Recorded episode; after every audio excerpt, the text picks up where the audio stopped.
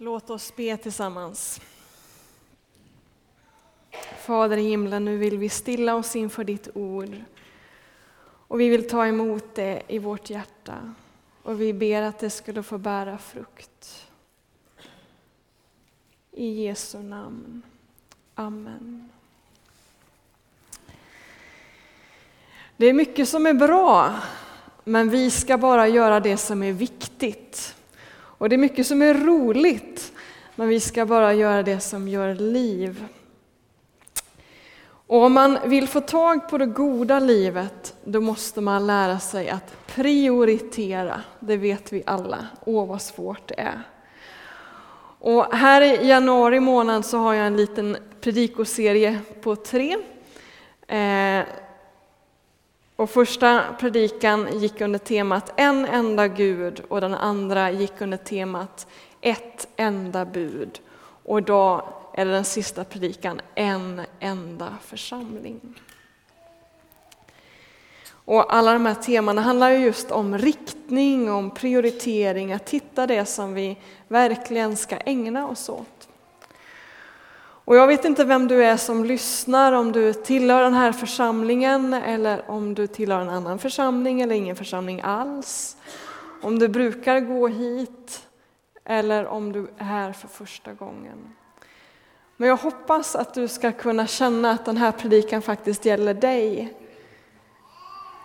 Att tillhöra en församling, det är en inbjudan som gäller alla människor och det är något fantastiskt, även om det kan vad jobbigt ibland. Jag menar, vi är en skara av människor i en församling och där blir det alltid gräl och konflikter och elände. Men, men det finns någonting fantastiskt att tillhöra en församling. Och om detta tänker jag predika idag. Och om man ska förstå vad en församling är, då måste man börja titta på Gamla Testamentet. Vad säger Gamla Testamentet om Guds folk? Och vi ska inte göra någon resumé genom hela GT, utan vi ska bara göra ett djupdyk i Jesaja 43. Och det ska vi göra för att den texten har kopplingar till den text som egentligen är predikotexten som är från andra, första Petrusbrevet. Ehm. Och Jesaja 43. Och jag ska läsa några, några bibelord, några verser från det kapitlet och jag tror att de kommer upp på väggen här. Jag hoppar lite, du som sitter med din bibel. Så här säger Gud, och han gör det till Israels folk då de lever som flyktingar i ockuperat land i Babylon. Eh, och då säger Gud detta. Nu säger Herren, han som har skapat dig, Jakob, han som har format dig, Israel, var inte rädd, jag har friköpt dig och jag har gett dig ditt namn och du är min. Du är dyrbar för mig och jag ärar och älskar dig. Till Norden säger jag, ge mig dem och till södern, släpp dem. För hem mina söner från fjärran och mina döttrar från jordens ände. Alla som bär mitt namn och som jag har skapat, format och gjort till min ära. Men ni är mina vittnen, säger Herren, min tjänare, den som jag har utvalt, för att ni ska få insikt och tro mig, förstå att jag är Gud. Ingen Gud har blivit till före mig och ingen ska komma efter mig. Jag är Herren. Ingen annan än jag kan ge räddning. Och här kommer det viktigaste av allt. Det folk som jag har skapat åt mig, de ska sjunga mitt lov. En annan gång då Israel levde som flyktingar, det var när de bodde som slavar i Egypten.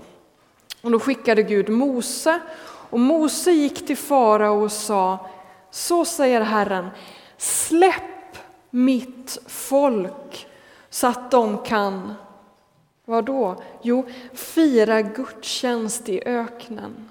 Alltså släpp mitt folk så att de kan fira gudstjänst i öknen. Israels djupaste identitet, Guds folks djupaste identitet ligger i detta att tillbe Gud. Att tillbe och lovsjunga honom. Det är därför Guds folk existerar, det är den uppgift de har. Och de här verserna från Jesaja talar om just detta. Att Gud har skapat dem, han har format dem, han har samlat ihop dem han har gett dem ett namn och de är hans. Och de ska vara hans vittnen, berätta om honom i världen men också tillbe honom. Deras uppgift är tillbedjan. Och då farao hade släppt Israels folk och de, då de gick ut i öknen så bar de runt på ett mobilt tempel som kallades för tabernaklet. Så vart de än gick så hade de med sig det där tabernaklet och så tillbad de Gud där. Det fanns i deras vardag varje dag. Och när man sen kom in i landet så byggde man efter en tid ett stabilt tempel, ett tempel i sten. Och man hade bara ett enda tempel och det berodde på att man menade att det finns bara en enda Gud. Därför kan man bara ha ett enda tempel, Gud kan bara ha ett enda hem. Och så sa man liksom till hela världen att nu får ni komma hit och tillbe Gud här. Man skickade inte ut några missionärer, det hörde, man gjorde det men det hörde till ovanligheterna. Utan man sa Kom hit till oss och tillbe Gud här där vi är. Detta är Guds enda tempel. Och på 500-talet före Kristus då ockuperades landet och templet revs ner och Israels folk spreds runt det här området. Men då de här Jesajas profetier som jag, vi läste precis, när de besannades så kom man tillbaka till landet och så byggde man upp templet igen. Och efter några hundra år så kom ju Jesus och då sa han någonting väldigt märkligt. Han sa så här. Riv ner templet så ska jag bygga upp det igen på tre dagar. Och när han sa det så skrattade bara folk och sa Ska du bygga upp ett tempel på tre dagar? Alltså detta är ju ett mastodontverk. Man tog det inte riktigt på allvar. Men när väl Jesus hade fängslats så vände man detta mot honom, att han var ett hot mot Israel. Han skulle riva ner templet och bygga upp det igen. Och man förstod inte riktigt vad han, vad han menade. Men de kristna förstod vad han menade. Det tempel han talade om var hans egen kropp. För han var ju Guds boning, alltså hans kropp innehöll Gud, han var Gud, Gud inkarnerad. Och det Jesus sa att ni kan riva ner min kropp och så byggs den upp igen på tre dagar. Jag är templet. Och nu ska vi läsa den riktiga predikotexten och nu hoppas jag att det blev rätt, att det är första Petrusbrevet och ingenting annat. Första Petrusbrevet kapitel 2, vad bra. Och det är vers 4 till 10 och det ska vi läsa. När ni kommer till honom, det vill säga Jesus, den levande stenen, ratad av människor men utvald av Gud och ärad av honom, då blir också ni till levande stenar i ett andligt husbygge. Ni blir ett heligt prästerskap och kan frambära andliga offer som Gud vill ta emot tack vare Jesus Kristus. Det står ju i skriften Se, på Sion lägger jag en hörnsten, utvald och ärad. Den som tror på den ska inte stå där med skam. Äran tillfaller alltså er som tror. Men för den som inte tror har stenen som husbyggarna ratade blivit en hörnsten, en sten som det snavar på, en klippa som det stöter emot. Det stöter emot därför att det inte lyder ordet. Så är det förutbestämt för dem.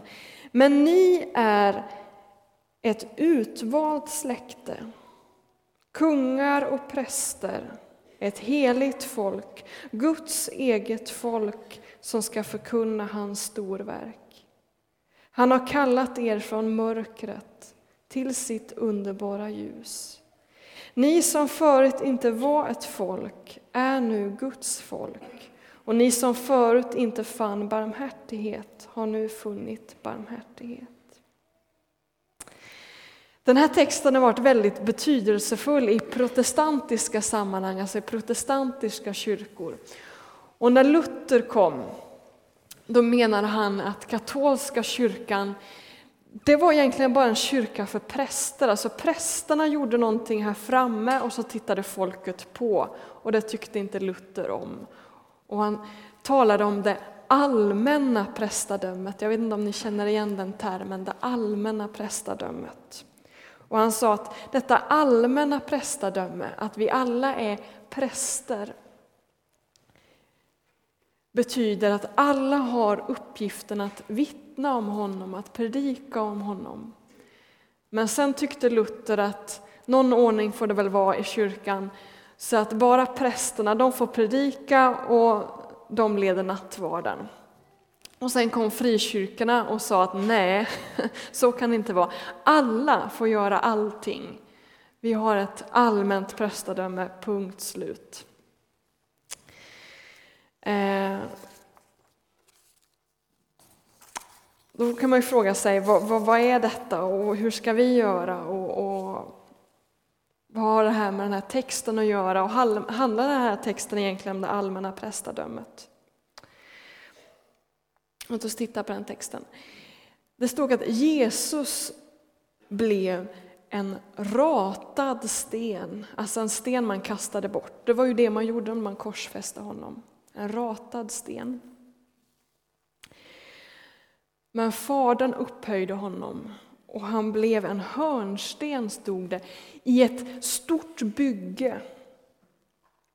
Och varje människa som närmar sig denna hörnsten som kommer i kontakt med Jesus blir själv till en sten, en levande sten, en del i ett andligt husbygge. Och vad är detta andliga husbygge? Jo, det är ju ett tempel. Det är ett tempel. Varje människa som närmar sig Jesus blir ett del av en tempel och det är ju en metafor förstås. Kristna bygger ju därför inga tempel i första hand eller första hand, vi gör det inte alls. Utan vi utgör Guds tempel och vi tror likt judarna att det bara finns en enda Gud. Därför finns det bara ett enda tempel, det vill säga ett enda folk. Alltså våra samfundsgränser är på så sätt irrelevanta. De är bra för vi behöver organisera oss och vi behöver forma oss i mindre gemenskaper. Men i Guds ögon så är kyrkan ett enda tempel. Ett enda andligt husbygge. Eftersom det bara finns en enda Gud och vi alla får en och samma ande att dricka och alla äter vi ett och samma bröd. Det vill säga nattvarden. Så att bli kristen handlar om att bli en del i detta. Det går inte att vara kristen utan att tillhöra församlingen. Guds församling, Guds tempel. Sen är det en annan femma om man väljer att gå med i en lokal gemenskap. Det är det naturliga, att göra så. Att söka sig till de andra stenarna. Men det går inte att vara kristen utan att vara del av Guds församling. För när man kommer till Jesus blir man till en sån här levande sten. Och författaren av det här brevet hoppar vilt mellan metaforerna, så när han nämnt detta med stenar så kommer han in på detta att vi är ett folk av präster. Vi, vi är inte präster enskilt. Jag är inte präst och du är inte präst, men vi är ett folk av präster, det är en kollektiv term.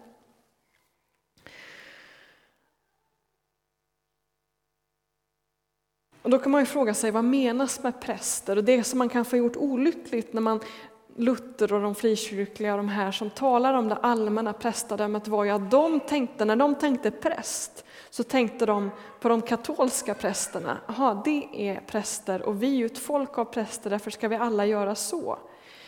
Men den här texten skrevs ju strax efter Jesu död. Och vad var, präst, vad var en präst då?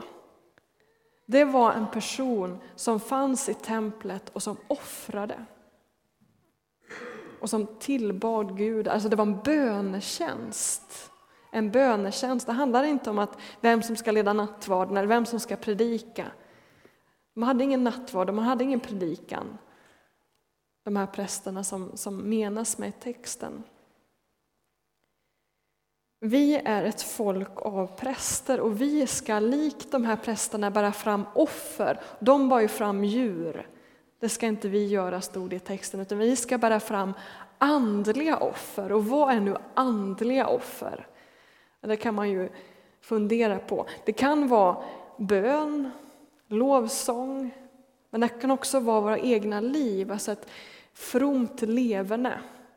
Eh, någonting, någonting sånt verkar det vara. Vi ska inte offra djur i alla fall.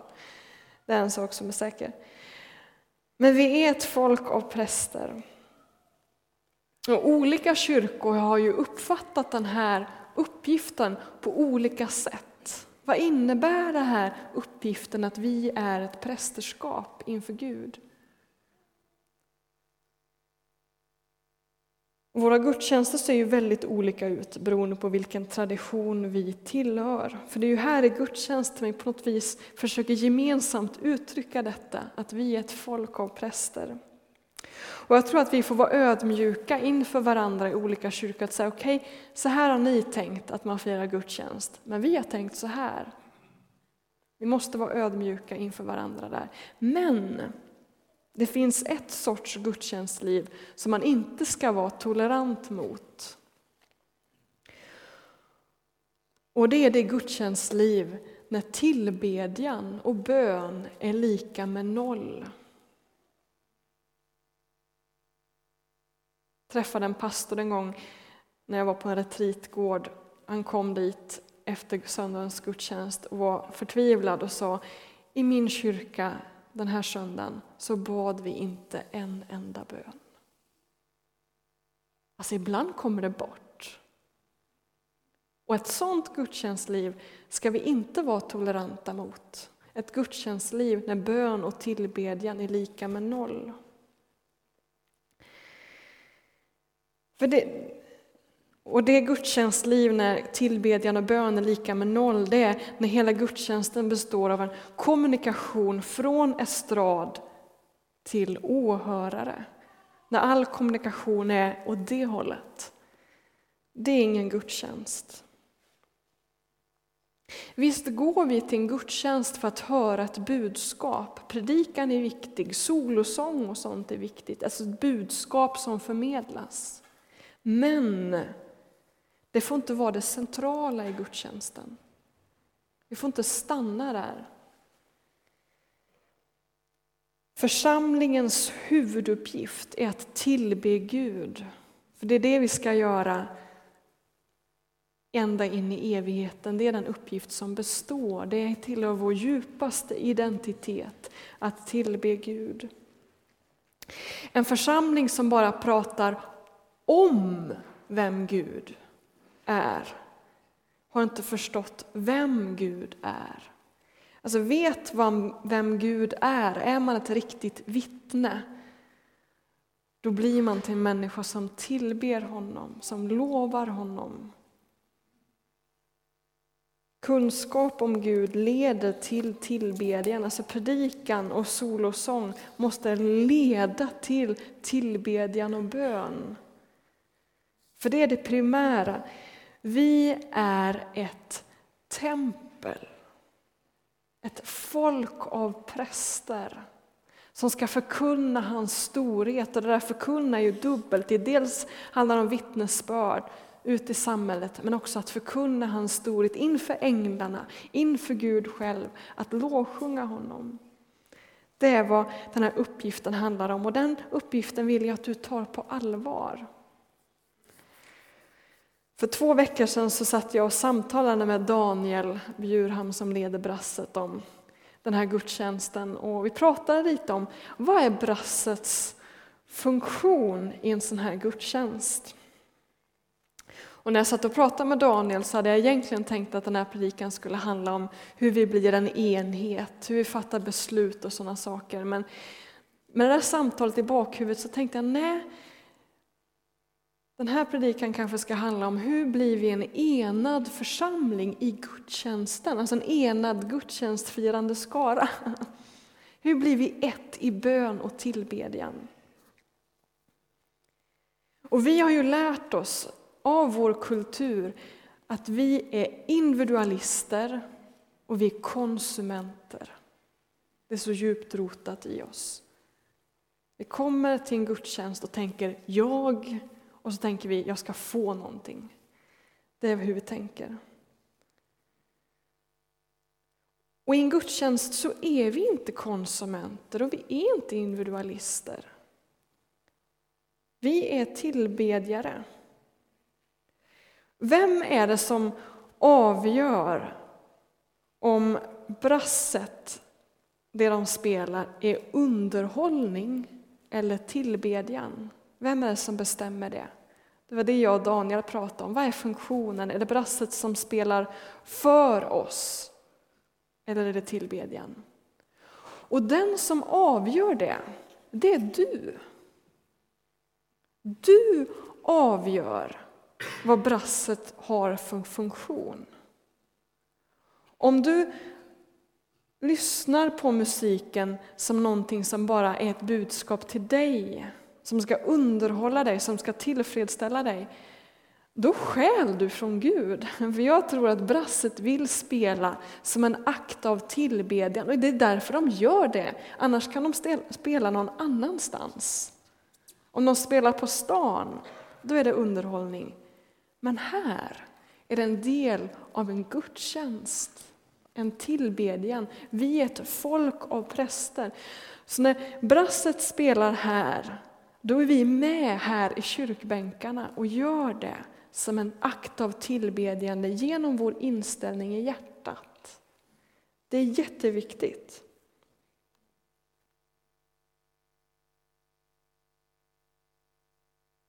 Det tar emot i den här omvändelsen att gå från att vara konsument till tillbedjare. Alltså det tar emot, men det är en helande process. Och det finns något tillfredsställande när man börjar lära sig detta. När man börjar lära sig att be och att tillbe. För då upptäcker man, det är det här jag är skapad till för. Det är det här som är meningen med mitt liv. Men det tar emot. Det är en smärtsam omvändelseprocess. Det handlar om att egot måste dö. Och den som är helt fri från egot när det gäller det här, den struntar i vad det är för musikinstrument eller vad det är för musiksmak som är. Den som är fri från egot när det gäller detta med konsumera musik utan istället göra det i tillbedjan, den personen tänker så här, vill ungdomarna tillbe Gud med trummor, ja men låt oss göra det. Låt oss göra det. Inte så att ungdomarna gör det där och så sitter vi och stirrar i väggen, utan vi gör det. Och vill de äldre använda orgen, ja men då gör vi det. Som en gemenskap. Vi måste bli en enad gudstjänstfirande församling. Kan du inte sången, försök lära dig den, eller åtminstone vara bedjande hjärta hjärtat tycker att det där var den fulaste låten jag någonsin har hört. Tänk, den här människan vill sjunga den här sången och jag gör den tillsammans med den här människan. För vi är en gemenskap, vi är ett enda tempel som fogas samman till en enda gemenskap. Frank Mangs, som jag citerar jämt när jag predikar, Jag läser faktiskt andra böcker också, men han säger väldigt mycket bra. Och han var ju en framgångsrik evangelist där vi, mellankrigstiden och under krigstiden. Och han sa detta att det berodde mer på gudstjänstbesökarna än det berodde på predikanten om människor skulle komma till tro i gudstjänsten, om gudstjänsten skulle bli evangeliserande. Det beror på er, inte på mig. Så sa Frank Mangs. För är människor i gudstjänsten bedjande så drar man in alla in i den här bönen. Det skapas en atmosfär där man möter Gud. Vi firar gudstjänst tillsammans. Och du som tillhör den här församlingen, om du sitter i gudstjänsten och bara är recensent, tycker och tänker och kritiserar, så kommer du dra in andra i din kritik, i ditt tyckande och tänkande. Men är du bedjande, då kommer du dra med andra in i bönen. De som bara kanske slinker in genom dörren. Du kommer dra in den personen i bönen. Och nu till sist ska jag bara säga något kort kring detta, för det kan ju lätt upplevas som ett krav. Det är så jobbigt, jag kan inte be.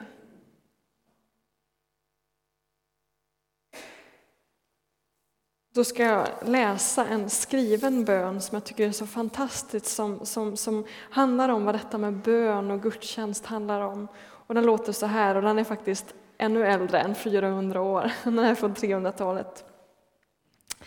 Vi ber dig, gör oss till levande människor. En fantastisk bön. Gör oss till levande människor. Ge oss ljusets ande så att vi kan känna dig och den du har sänt, Jesus Kristus. Alltså ge oss anden så att vi kan få lära känna dig. Och den du har sänt, Jesus Kristus. Och fyll oss med den heliga Ande så att vi kan utsäga och berätta om dina outsägliga hemligheter. Låt Herren Jesus och den helige Ande tala i oss och lovsjunga dig genom oss. Och sen brister man ut den här helig, helig, heliga Herren Gud Sebaot. Och det är det vad det handlar om, att upptäcka att bönen är en gåva från Gud som man tar emot i sitt hjärta. Och så får man be, heliga Ande, be genom mig. Det där kan ske i tysthet. Mycket av bön handlar om hjärtats inställning, inte orden. Att vi ska vara en bedjande församling innebär inte att det ska vara massa ljud. Men det handlar om attityden. Det handlar om attityden. Mm. Just det. Vi tror ju också att, och det här är något av det sista jag säger, att tillbedjan handlar om att stå inför Gud och jubla i glädje. Och det kan det vara. Men tillbedjan handlar också om att kunna gråta inför Guds ansikte, att kunna utgjuta sina sorger, sina bekymmer. Och att bara säga, det är du, det är du som är helig. Därför tycker jag om den här sången, Helig, helig är du, Herre Gud, Sebot. För den kan man be även om man är ledsen. Lovsång handlar inte bara om att man jublar av glädje. Det handlar om något djupare, hur hjärtat vänds mot Gud. Det var vad jag ville ha sagt idag. Så får ni ta det som är bra och kasta bort det som är dåligt. Men min önskan är att vi ska få vara den här, det här templet. Att människor som kommer in i den här gemenskapen ska kunna få känna åh, här finns någonting. Låt oss be tillsammans att vi blir en sån gemenskap och sen ska brasset leda oss i tillbedjan. Det är vad som kommer ske. Sen ska vi sjunga några sånger och du som vill ha förbön då efter att brasset har spelat, om du vill be tillsammans med någon Om du behöver hjälp med någonting så kan du få gå till den trappan där under, eh, under läktaren så finns det förebedjare. Så det är vad som kommer hända i slutet av den här gudstjänsten. Men medan brasset kommer fram så leder jag en bön. Fader i himlen, jag tackar dig för att du är helig, du är upphöjd och du älskar oss. Och jag ber dig att du skulle göra oss till levande människor. Att du skulle ge oss av din Ande så att vi kan lära känna dig och så att vi kan lovsjunga dig av hela vårt hjärta. Vänd vårt hjärta till dig i tillbedjan. Omvänd oss från att vara konsumenter till att bli tillbedjare.